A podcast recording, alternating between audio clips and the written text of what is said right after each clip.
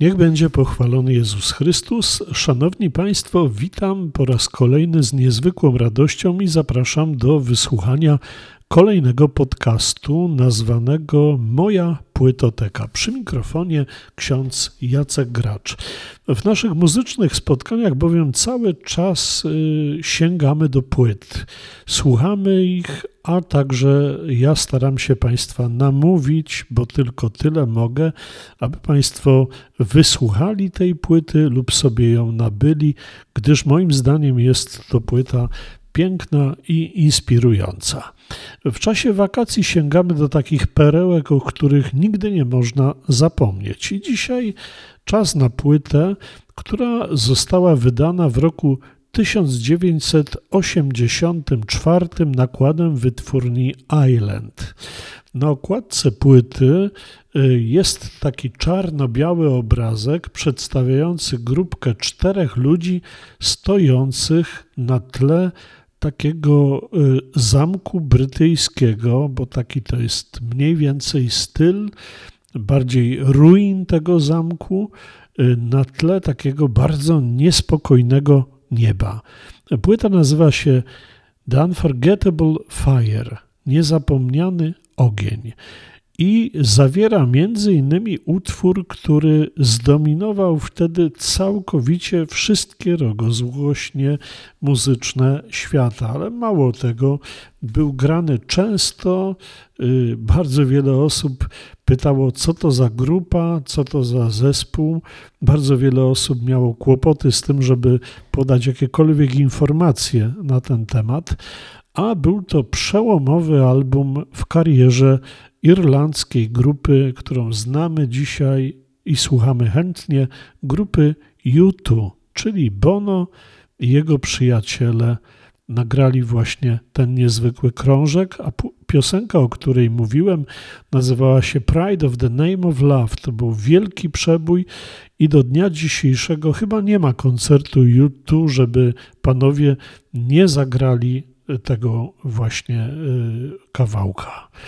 Y, proszę Państwa, y, The Unforgettable Fire to płyta niezwykła w karierze grupy U2. Mianowicie czwarty album tego zespołu. Trzy pierwsze to były albumy znane tylko niektórym. Mianowicie zaczęło się od płyty Boys, później była płyta, która nazywała się October i następnie słynna już, ale tylko właśnie w kręgach bardziej rockowych czy punkowych, płyta, która nazywała się War. Y, wtedy to też odbyło się pierwsze światowe turne grupy. Ale War y, to była płyta, z którą grupa U2 dotarła do krawędzi swojej kariery muzyki punkowej bowiem y, już dalej nie można było w punku y, nagrać czegoś, co doprowadziłoby do rozwoju muzycznego.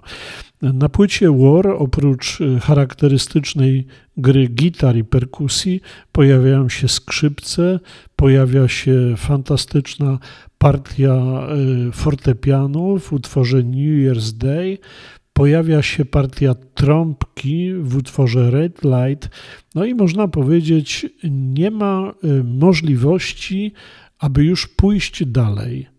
Członkowie grupy po naradzie stwierdzają, że muszą coś zrobić nowego, poszukać nowych rozwiązań i nowego brzmienia. I nieoczekiwanie pada propozycja, aby poprosić do produkcji kolejnej płyty multiinstrumentalistę Briana Ino.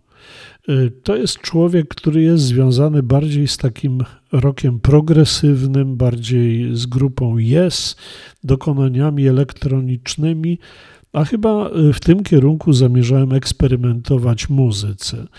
Brian Eno nie ma czasu za bardzo na zajmowanie się muzyką punkową i prosi swojego kolegę, jakim jest inny muzyk, Daniel Lanois, aby on zajął się produkcją tej płyty, ale kiedy płyta zaczyna być nagrywana, to Brian Eno zostaje wciągnięty również w nagranie tej płyty i jej produkcję, no i robi to z wielką radością.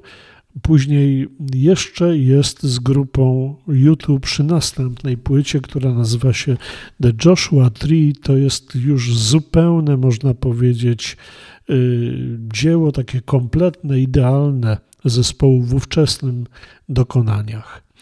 Y, płyta przynosi rzeczywiście niesamowite brzmienie. Mamy tutaj charakterystyczną grę na gitarze muzyka, który nazywa się Edge, taki ma pseudonim, charakterystyczny śpiew, niepowtarzalny Bono.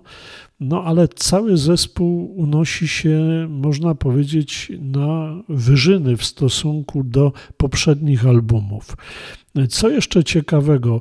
Y, mamy tutaj różne chwytliwe i piękne utwory, ale y, bardzo ważna jest również y, cała sprawa tematyki utworów. Jest tutaj wojna między Wielką Brytanią i Irlandią, jest tu sprawa walki o wolność Martina Luthera Kinga, Mamy tutaj nigdy niezapomniany ogień, czyli tytułowy utwór. Ten ogień to jest y, wielki błysk nad Hiroshimą i Nagasaki. Mamy tutaj Fort of Julie, który mówi o roli Stanów Zjednoczonych na świecie, roli, która jest wcale nie aż taka jasna i nie zawsze kolorowa. Y, taki bardzo y, chwytliwy utwór pod tytułem Bad mówi o uzależnieniu od heroiny. No i mamy tutaj y, cały problem różnego rodzaju sytuacji z życia i muzyków, i ty, tego, czym żyje ówczesny świat. Płyta absolutnie świetna, godna polecenia, niepowtarzalna. Później okazuje się, że muzycy jeszcze dodatkowo y, rozwijają się i tworzą już naprawdę fantastyczne dzieło. Zresztą tej płyty słuchaliśmy na antenie Anioła Beskidów y, dwa lata temu w czasie wakacji. Płyta nazywa się Joshua Tree. A ja Państwa zachęcam do posłuchania sobie tej płyty. Ona jest troszkę zapomniana ale naprawdę do dnia dzisiejszego nic nie traci ze swojej świeżości. The Unforgettable Fire grupy U2 to jest pierwsza propozycja dzisiejszego podcastu. Natomiast druga to, y, tak sobie myślę, przykład angielskiej muzyki biesiadnej czy pieśni biesiadnej y, z XVII wieku. Proszę Państwa, grupa, która nazywa się The Sixteen, już od kilku lat nagrywa, a wcześniej poprzedza to studiami, utwory, które napisał słynny brytyjski kompozytor, zaledwie żyjący 36 lat, Henry Purcell. I w tym przypadku są to pieśni, które powstały specjalnie na powrót króla brytyjskiego Karola II Stuarta do Wielkiej Brytanii. E, ten król to postać niesamowita. Nie mamy czasu w podcaście, żeby sięgać do historii jego życia, ale e, jest to człowiek, którego życie mogłoby się stać serialem i to bardzo frapującym, niemalże sensacyjnym. Urodził się jako najstarszy żyjący syn pary królewskiej. Jego ojciec był królem Wielkiej Brytanii, Karol I Stuart. Już od samego początku swojego życia ojciec przygotowywał go oczywiście do sukcesji, żeby był przyszłym monarchą Anglii. Y, nosił też y, tytuł księcia Walii, chociaż nigdy formalnie nie otrzymał insygniów związanych z tym stanowiskiem. Zasiadł jako młody chłopak po raz pierwszy w Izbie Lordów podczas obrad długiego parlamentu. W czasie wielkiego konfliktu między ojcem i parlamentem został przez ojca zabrany na bitwę pod miejscowością Edge Hill, gdzie y, niestety została ta bitwa przegrana przez wojska królewskie. Musiał y, uciekać najpierw na wyspę Scully u wybrzeży Cornwalli, później na wyspę Jersey, później na jedną z wysp normandzkich, w końcu udał się do Francji, gdzie od pewnego czasu przebywała jego matka. Y, przy pomocy Wilhelma II Orańskiego, który był szwagrem, chciał dostać się z powrotem do Wielkiej Brytanii, aby objąć y, rządy po tragicznie zabitym ojcu, bo ojciec został pojmany przez wojska parlamentu, króla skazano na śmierć i ścięto. Y, był przez długi czas na wygnaniu.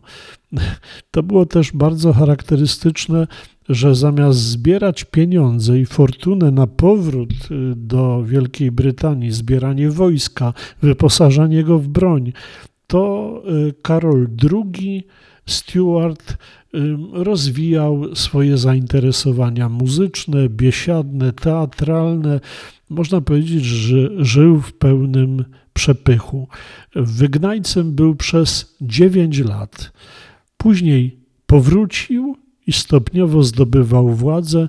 Został w końcu monarchą Wielkiej Brytanii. No i proszę Państwa, Henry Parcel napisał y, pieśni na jego powrót, związane z jego powrotem. Y, ta historia, która do nas dociera z tych pieśni, to historia całej atmosfery powrotu króla do Anglii. Mamy tutaj dwa takie hymny, które po raz pierwszy ujrzały w ogóle światło dzienne. Swifter Isis, Swifter Flow. To pierwsza z takich pieśni, gdzie Parcel mówi o tym, jak y, płynie pięknie i spokojnie Tamiza, która zapowiada, że za moment pojawi się coś charakterystycznego i tą Tamizą do Londynu wraca właśnie Karol II. Y, wraca z Oksfordu. Y, wszyscy go witają, wszyscy na niego czekają. Król jest kimś takim jak przychodząca wiosna. To wszystko jest właśnie w tej pieśni. A druga to pieśń, którą można y, w ten sposób tytuł przetłumaczyć: Znosimy beztroską nieobecność lata. Y, tutaj mamy znów pieśń poświęcone powrotowi króla z Newmarket. Mamy tutaj y, takie solówki, które pokazują bogactwo królewskie, które król przynosi do Wielkiej Brytanii. Bowiem pojawia się władca, ale też wielki miłośnik sztuki, wielki monarcha, wielka osobowość, która rozwinie całą Wielką Brytanię. Mamy tutaj i pieśni religijne, natury religijnej, bo mamy na przykład przepiękny psalm Pan jest moim światłem, czyli psalm 27. Mamy końcowe Alleluja z hymnu królewskiego, który był prawdopodobnie wykonany w momencie, kiedy król po raz pierwszy przekroczył y, słynne progi kaplicy królewskiej. No i mamy tutaj cały szereg odniesień do Pana Boga i powiązania z nim osoby monarchy. Ale mamy tutaj też wiele utworów, które ukazują właśnie taką czystą, biesiadną zabawę. No więc y, powiedziałbym, że jest to rodzaj odtworzenia muzyki biesiadnej XVII wieku, a wszystko to w związku z wielką radością powrotu króla Karola II do Londynu i do całej Wielkiej Brytanii. Na czele grupy The Sixteen, która jest jedną z najwybitniejszych grup śpiewających muzykę barokową Henry Parcella, stoi wybitny znawca i człowiek, który odtwarza muzykę tamtych czasów, Harry Christophers. Natomiast grupę The Sixteen tworzą Y, no można powiedzieć, wielkie osobistości świata wokalnego, bo większość z nich to wykładowcy śpiewu lub osoby znane w kręgach muzycznych jako wybitni solowi y, śpiewacy operowi. A wszystko to, żeby odtworzyć fantastyczną pogodę, aurę, klimat tamtejszych dokonań muzycznych. Na okładce płyty mamy taki ciekawy obraz szlachcica, który y, ma y, tak na głowie trzy kapelusze ubrane jeden na drugim. Na jednej y, z rąk ma powieszone płaszcze, no i ma w drugiej ręce dwie szable. To właśnie człowiek oczekujący na przyjście gości którzy za moment się pojawią, żeby im właśnie podać te insygnia ubioru szlachcica. To naprawdę y, piękna muzyka, warto do niej sięgać. W ogóle muzyka Henry Parcella jest muzyką porywającą i szkoda, że tak mało znano. To tyle, proszę Państwa, jeśli chodzi o dzisiejszy podcast. Dziękuję Państwu za uwagę i zapraszam za tydzień o zwykłej porze. A dziś już żegnam się z Państwem ksiądz Jacek Gracz.